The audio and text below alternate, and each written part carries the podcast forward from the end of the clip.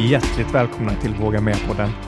Podden för dig som älskar att aktivera det inre modet och utvecklas både fysiskt och mentalt. Med mig, Mikael Wigerud. Och med mig, Benjamin von Schmuck. Det är få saker vi lägger så mycket tid på som arbetet. Och någonting när det kommer till arbetet som man förknippar med det, det är ju hela resan av arbetet. Någonting vi kallar karriär. Vad är karriär? Kan karriär vara olika? Är allt jobb tråkigt? Eller finns det också en viss mening? Ja, där kommer vi suga på under dagens samtal. Och som vi vet så har vi ju tagit lite olika vägar, både jag och Mikael. Vi har en hel del att dela. Och inte bara från våra erfarenheter, men också av erfarenheter från mentorer. Och såklart alla kära gäster vi haft med i podden. Så nu kör vi.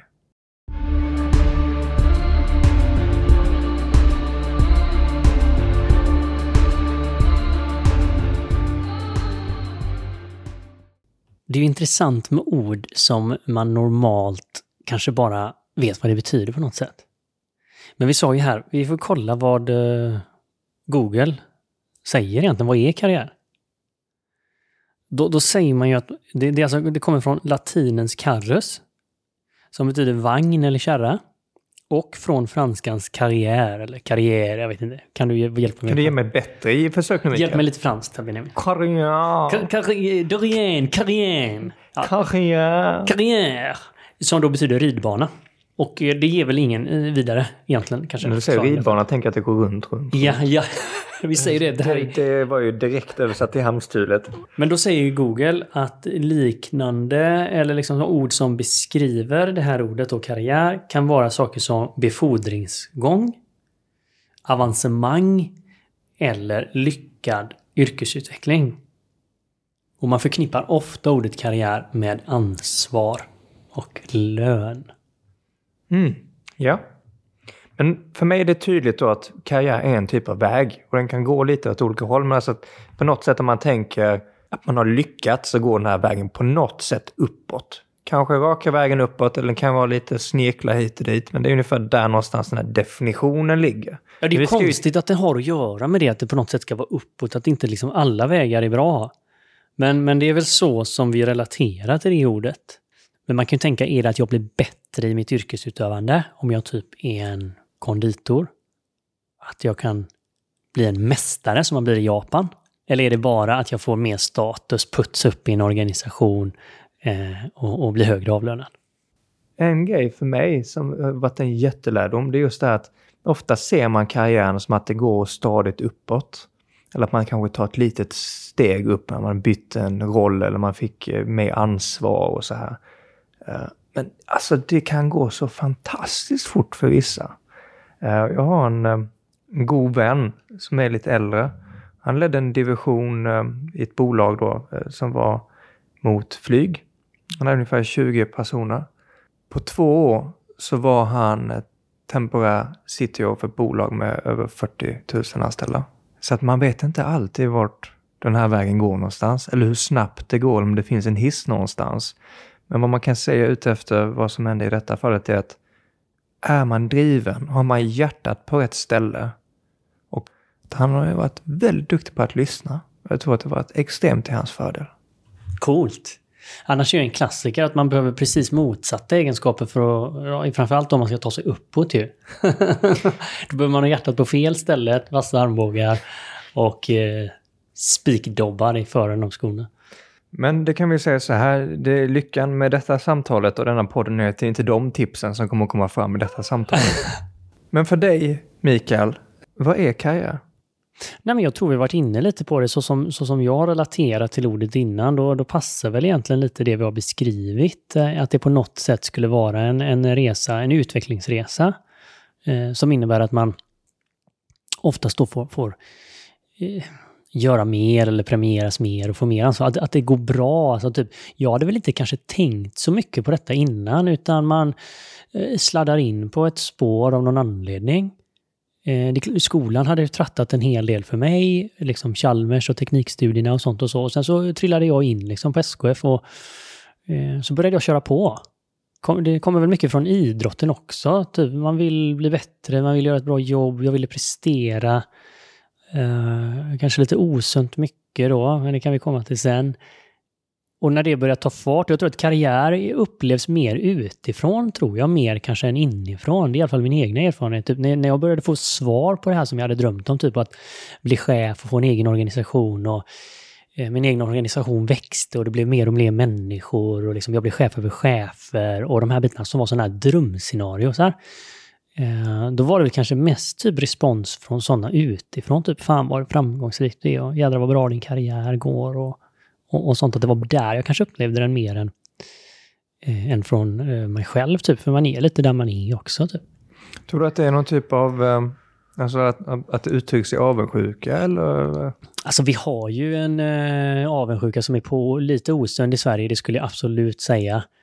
Eh, som, som eh, en kompis eh, skojade med mig igår, att men herregud, det är ju liksom eh, fult att, att tjäna pengar i Sverige. Ska... Ja, men det, det, så är det. Förutom eh, Jan Emanuel då. Men, men, det är en rolig tanke det där om man liksom kunde fira varandras framgångar mycket mer. Och eh, liksom vilken karriärväg man än väljer. Jag tror vi kommer se mycket mer alternativa karriärer framöver.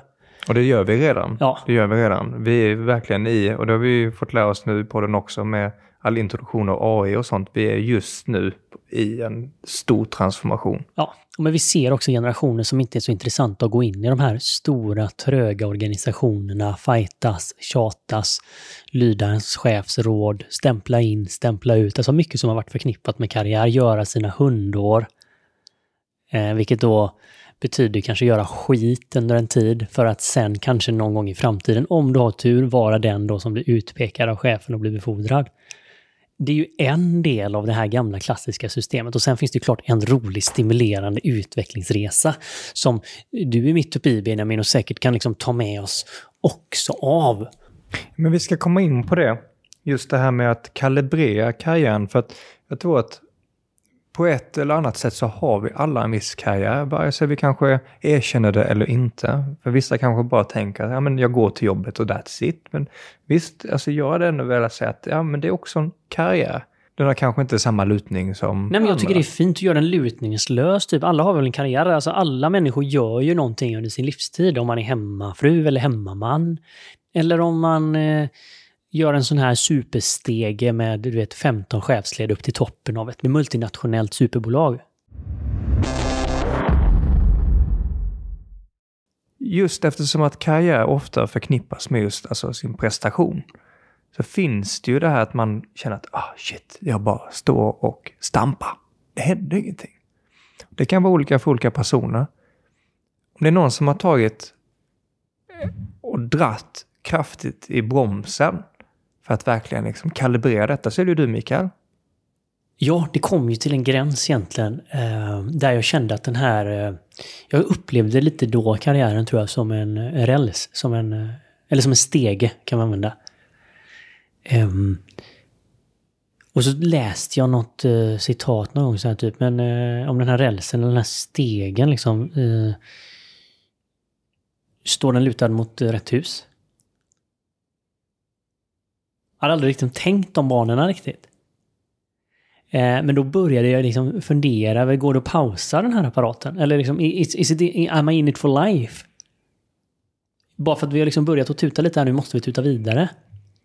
Det var ju eh, då något frö började gro om, om, om den här karriärpausen. Jag kommer ihåg att jag googlade alla alternativ om eh, karriärpaus, career break. Eh, eh utifrån en rädsla tror jag. Vad kommer det här göra om jag kliver av nu? Kommer det krascha min så kallade karriär för alltid? Och vad är konsekvenserna? Och jag, jag förstår den rädslan och jag kan känna den själv också. Ah, man borde kanske tagit mer tid innan universitetet eller under universitetet. Exakt. För när man väl har börjat så har man börjat och man bränner sina broar. Och ja. Jaha, vi anförtrodde han med detta ansvaret och sen så droppar han av det helt plötsligt.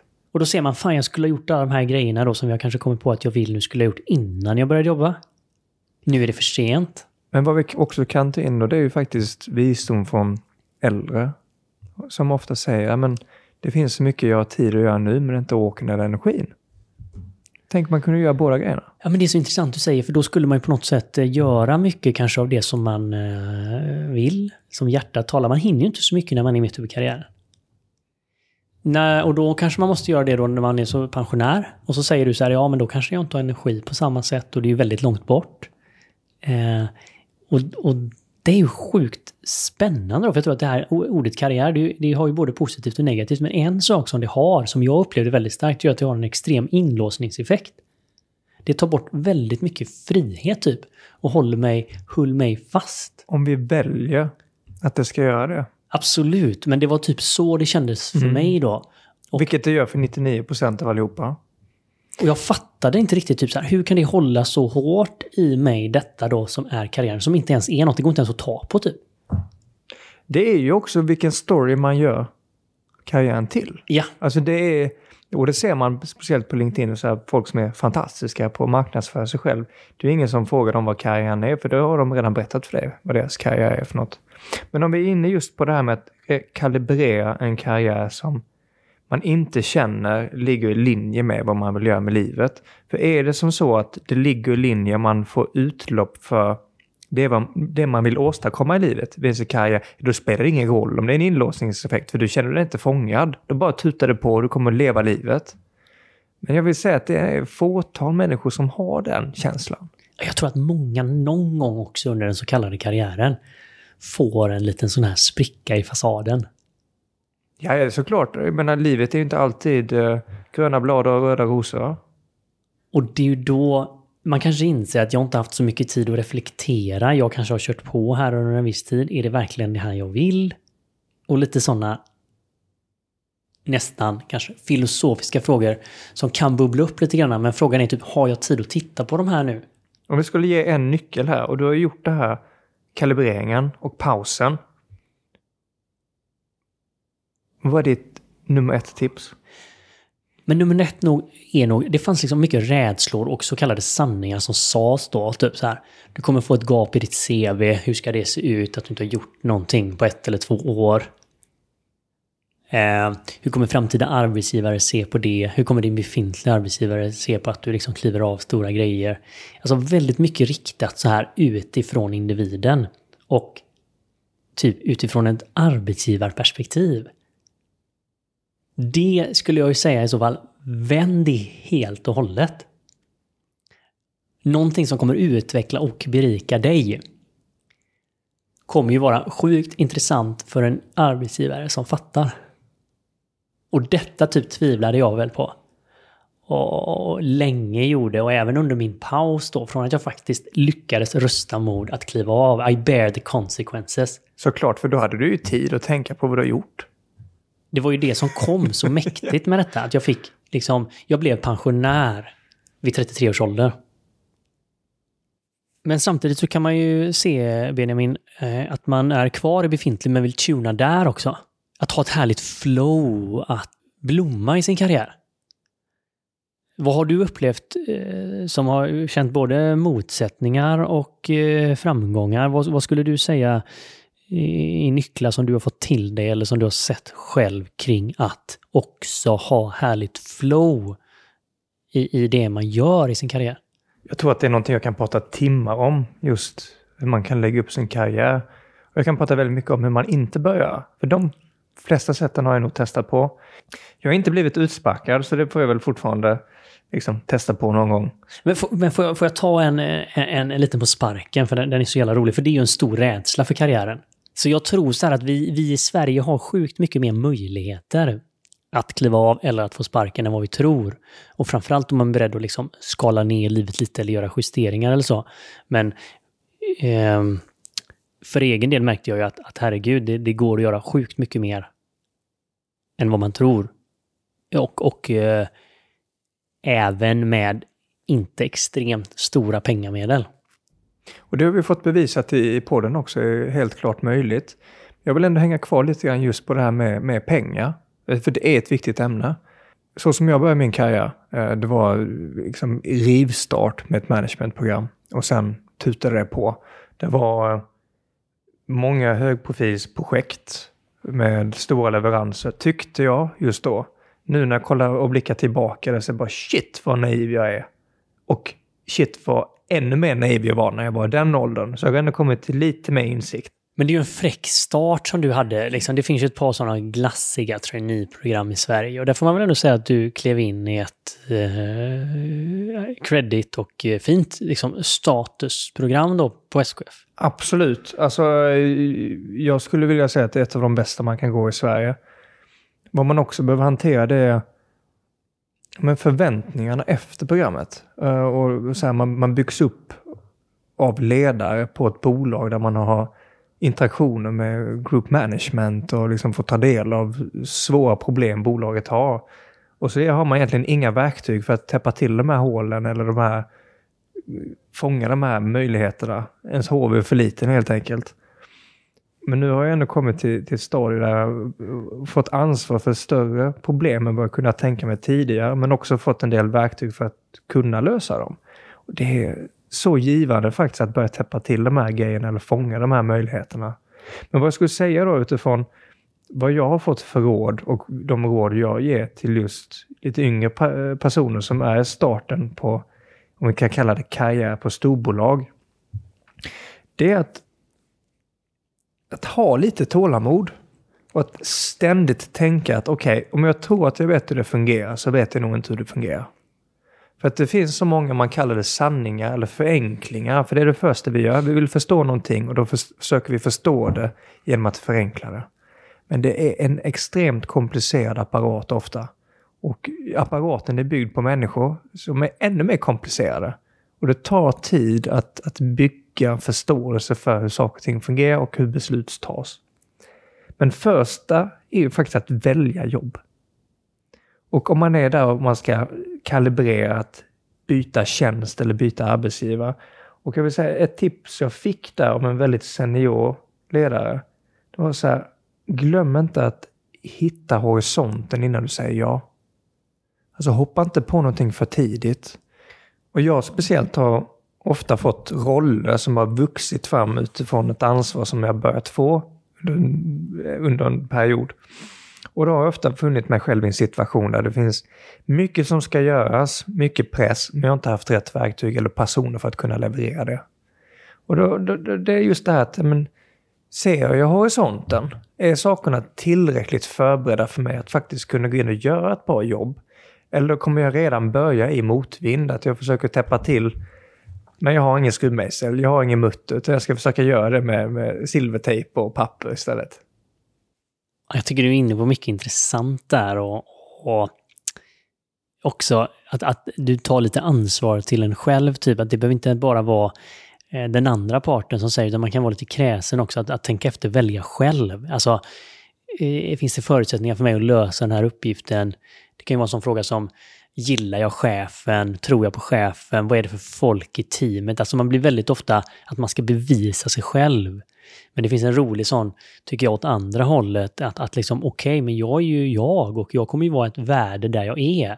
Så hur kan jag ta reda på också om jag kommer att passa in där och vill jobba med dem och tror chefen på mig och vill man satsa på mig och eh, har de en kultur som jag vill jobba i? Och det är ju lite som du är inne på där att ta tillbaka lite ägandekraft, även i typ en sån stund som en intervjustund.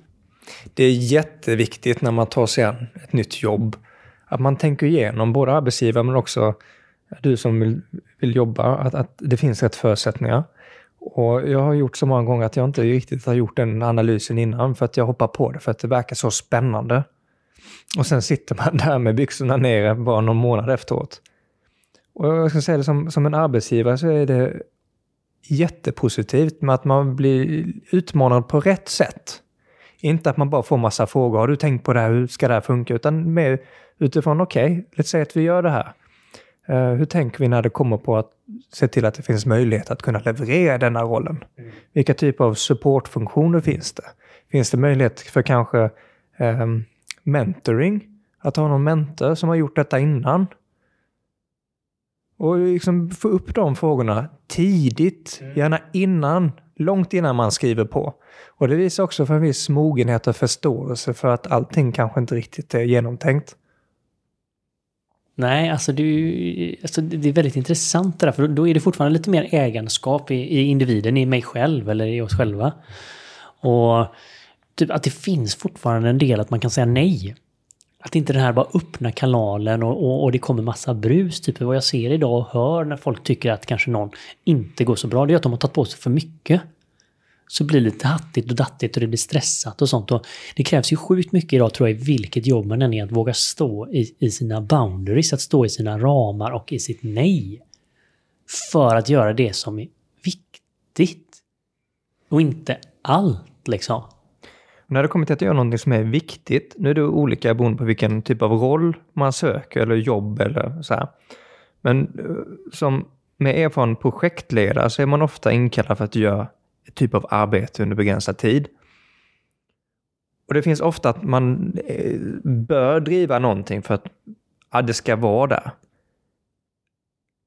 Hårda läxan är att bara välja projekt jag kan även se en, alltså en, en roll eller liksom en tvåårig position som ett projekt. typ. Man ska in och göra någonting, sen ska man vidare på nästa grej. Bara välja sådana saker som innebär att om inte du gör ett bra jobb, om inte du levererar, så påverkar det din manager eller organisationen jättemycket. Vilket innebär att de har skin in the game. Alltså du levererar någonting som någon annan verkligen behöver inte att du tar något symbolprojekt, att ja, vi borde göra det här, utan ta någonting som innebär att om inte du gör detta så går det åt helvete. För då får du den supporten som behövs. Då har du verktygen, för får du inte verktygen, ja då kan du inte leverera och då går det åt helvete. Så det är verkligen alltså, se till att ta någonting som är viktigt, som på riktigt är viktigt. Det är ju alltid roligt ju. Ja. Du var inne på det här med mentorer också. Hur gör man om man vill skaffa en mentor då? Jag har ett exempel på hur man inte bör göra. Och det var när jag började på bolaget så fick jag en mentor som jag skulle ha. Eh, så här. Och det gick åt helvete faktiskt. För jag kom in, skulle ändra bolaget från dag ett. Um, och jag hade en mentor som antagligen gjorde helt rätt. Och det är så här, visa att man är öppen.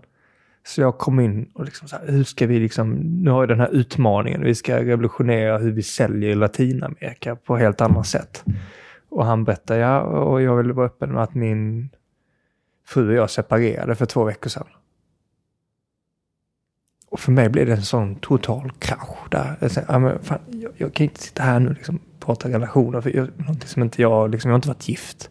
Så att jag eh, segade mig ur det mentorskapet. Och det är någonting jag ångrar hur jag hanterade det. För att jag hade, eh, jag, fick möjligheten till att prata med en person som var erfaren.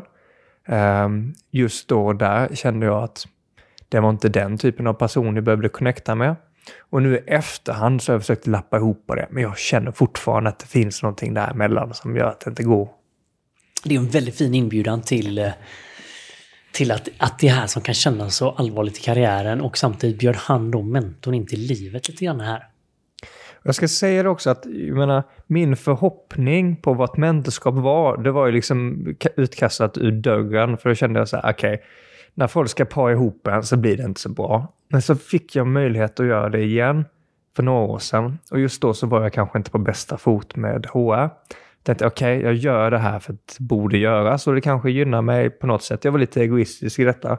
Så träffade jag en person, eh, kände att ah, det kanske inte är riktigt rätt match. För jag förväntade mig ändå en mentor som var ganska tydlig med hur man ska ta beslut och hur man ska vara. Lite grann som när du jobbar i fabriken, Mikael. Så här liksom att man förväntar sig en viss person. Eh, och jag och den här mentorn som vi kan kalla A hade några möten. Och sen kände jag bara, men han lyssnar ju på mig. Fan, vilka bra tips han har. Och det mentorskapet har växt nu senaste tre åren till att vi har väldigt täta samtal. Och det var vid ett tillfälle när jag var på väg ut till bolaget. Man tänker just det att karriären har kanske stannat av eller man gör för mycket mot den energi man får tillbaka. Och då var jag så här, nej nu skiter jag i detta. Det här, det här är inte det hållet jag vill. Och då erbjöd han mig ett jobb. Och det var absolut ingenting jag hade tänkt mig ens kunde komma ur ett mentorskap. Men egentligen, och det är ett, tips här till, till er som just har möjligheten att göra karriär på storbolag eller är intresserad av att göra det. Det är ju väldigt smart egentligen om du har någon som du är mentor för. Att liksom hålla den personen nära. För du vet ju vad den personen har gått igenom. Du förstår vad personen är kapabel till. Det är liksom en av de personer du lärt känna bäst. Det är klart man kan anförtro en sån person också med en utmaning för man vet relationen man har byggt. Vi har varit inne lite grann på kompensation och hur mycket kompensation man behöver eller inte behöver. Jag tycker det är en fantastisk utmaning att utmana just hur mycket man behöver ha i pengar. Eller om det bara blir symboliskt. Om man är ute efter att tjäna mycket pengar så är inte det alltid straight forward. Vi har haft lite personer i, i, i podden som har gett tips på hur man ska kunna förhandla sig till lön och hur man ska bygga sina argument. Och det finns jättefina tips. Men det är inte alltid det är så himla lätt. Men jag säga ett tips för just storbolag, som kanske låter lite tråkigt. Det handlar om att förstå hur systemet fungerar. Faktiskt. För ofta så Vad ligger... betyder det då? Förstå hur systemet fungerar? Ja, faktiskt hur datasystemet fungerar. Hur processen för lön är uppbyggd. För det, det kan vara lönlöst att sitta eh, och försöka beskriva sitt värde när man sitter liksom som en liten kugge någonstans i en megaapparat. Där det inte finns utrymme eller möjlighet att göra någonting utifrån precis var du som kugge sitter. Men om du förstår hur du kan flytta din position till en annan box så kan det vara natt och dag rent kompensationsmässigt. Att man, att man måste identifiera det så att om, om, man, liksom, man kanske slår sig blodig där och får en, två eller tre procent eller på sin höjd nu i inflationstiden 4 procent. Men Det, det absolut värsta positionen man kan befinna sig i ett bolag som använder sådana här system, det är att du befinner dig i en roll eller en positionsklassning där du har ett över och ett undertak för din kompensation. Där du egentligen i den rollen levererar mycket mer än vad som är tänkt. Det är det absolut sämsta position du kan ha. För att då egentligen bidrar du till ett bolag mycket mer än vad du blir kompenserad för. Så tipset är att hitta någon som kan hjälpa dig att ändra din position så att den motsvarar det ansvar du har och det du levererar. Och det är ofta att man ska byta någon box eller en position i något system. Det är...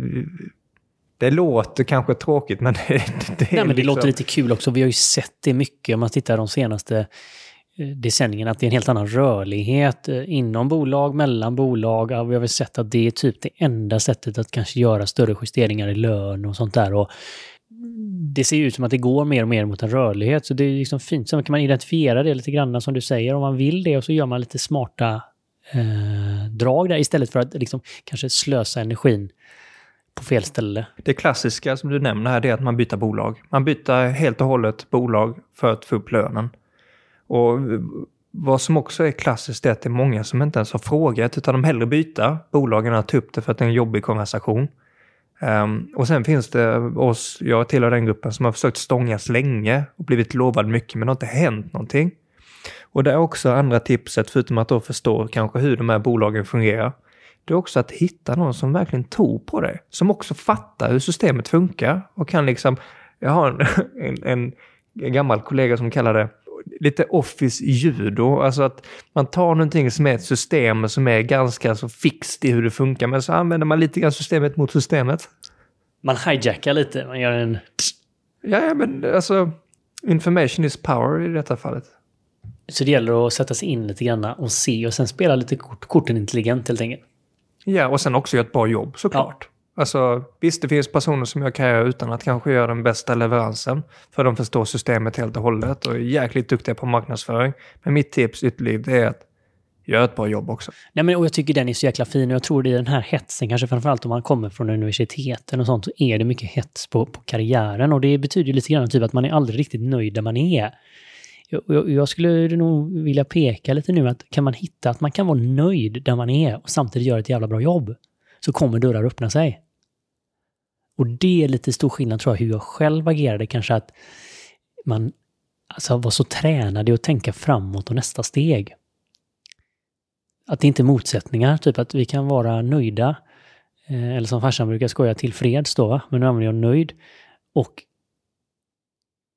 göra ett grymt jobb där.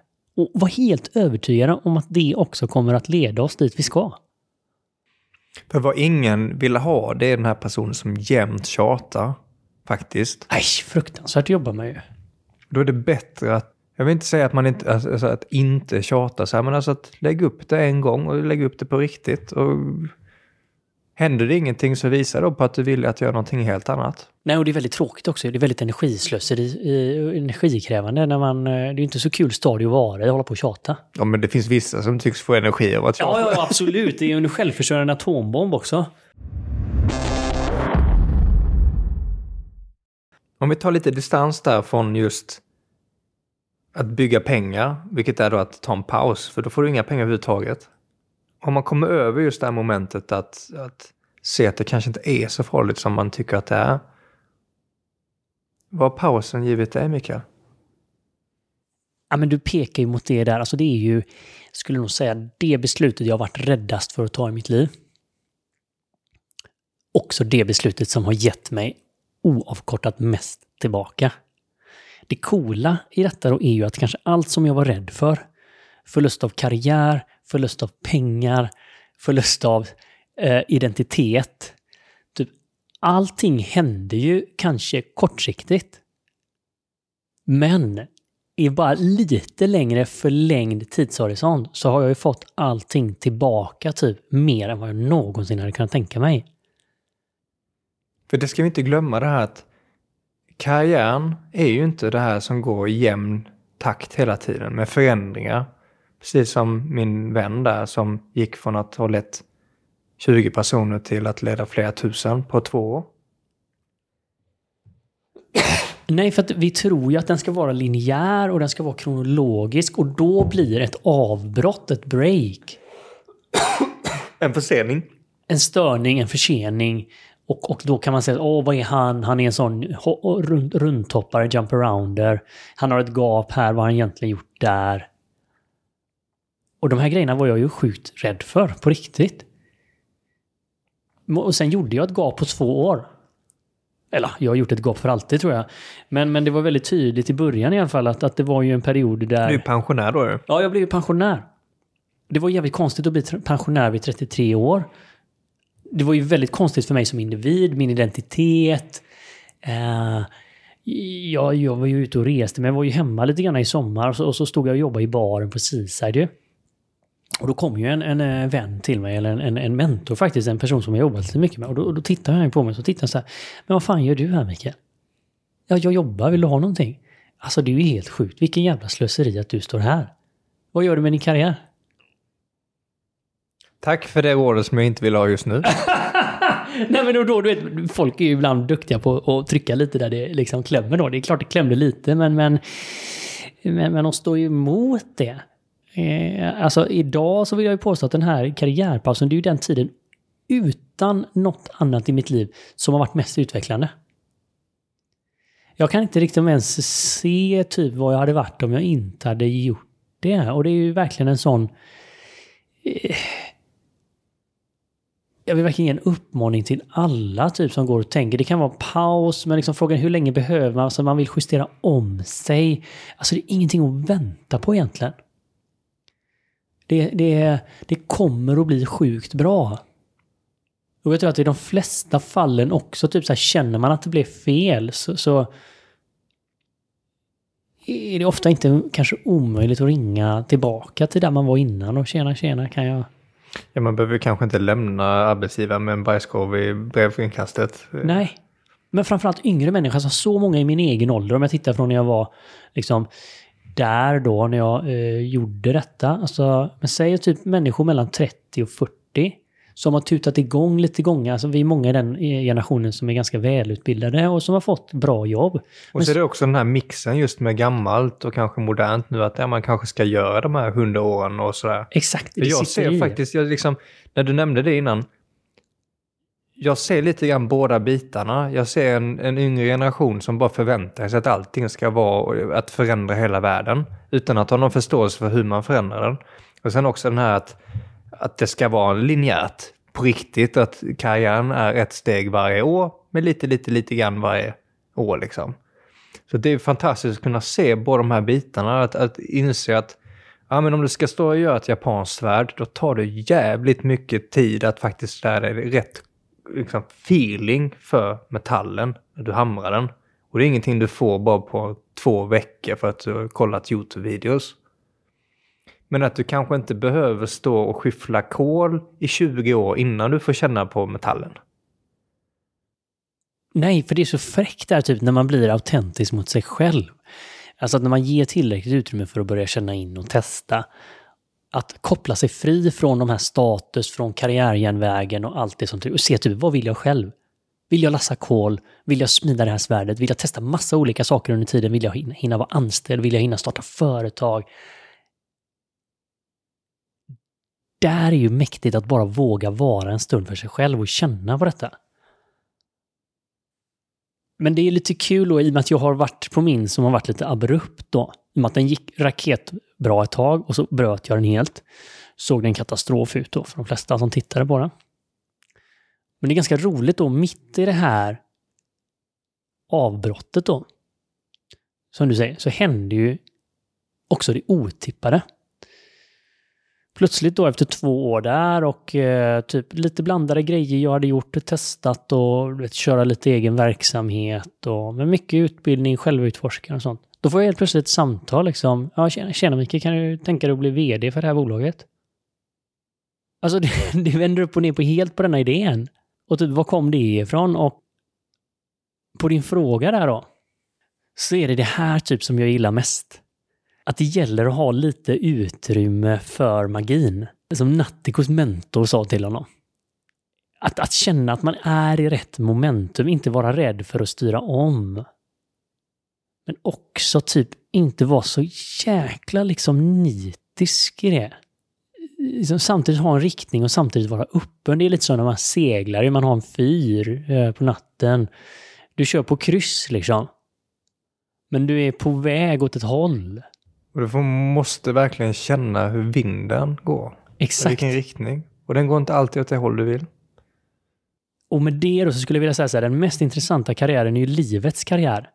Det är ju hur jag växer som människa. Eh, och, och den skulle jag liksom vilja säga så här, sätt den högre än bara arbetskarriären. Hur du får status och pengar och makt.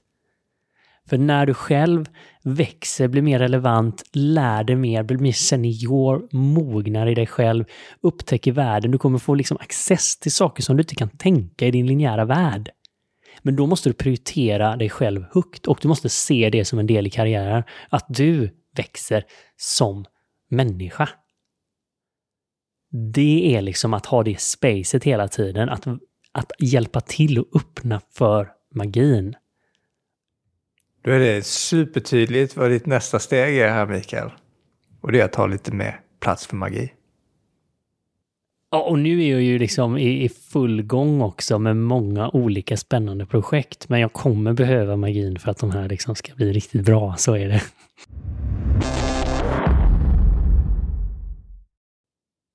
Hur ser det ut för dig, Benjamin? Jäkla blandning faktiskt. Jag tror jag är en sån här, jag är high moment, low moment. Och så, så pendlar jag däremellan. Och jag har börjat inse det nu. Att uh, jag har gett mycket mer utrymme för att öppna upp hur jag känner runt var jag är. Men inte på ett klagande sätt, vilket jag gjorde förr, just mycket gällande kompensation. Um, och jag tutade på ett par år och det blev väldigt centralt och då gjorde jag mycket vad jag redan kunde. Jag hade inte samma utrymme för kanske att lära mig nytt eller exponeras för, om vi kallar det lite mer läskiga situationer. Och senaste året har varit precis raka motsatsen. Det har varit extremt mycket exponering för någonting jag hade kanske överhuvudtaget inte vågat göra för två år sedan. Och då kan jag säga att då har allt annat bara kommit på automatik.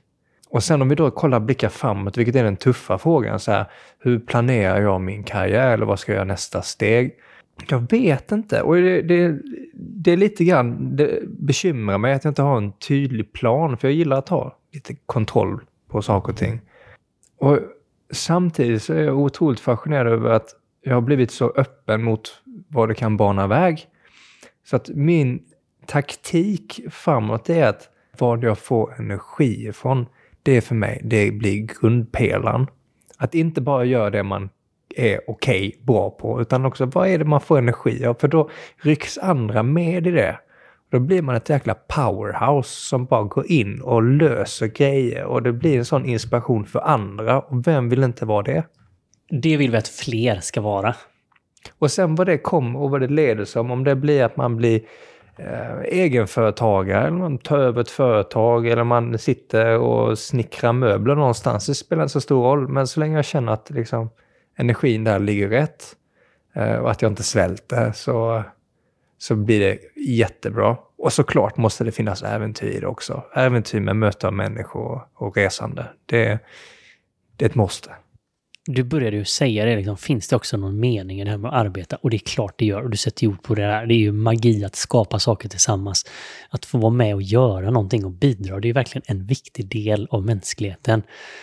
Och det är klart att där kommer ju liksom karriären in i vår skapande process och hur, vi liksom bidrar.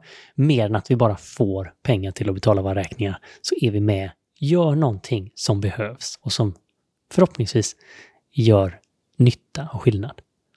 Och lämna verkligen nu möjlighet och utrymme till den här kalibreringen.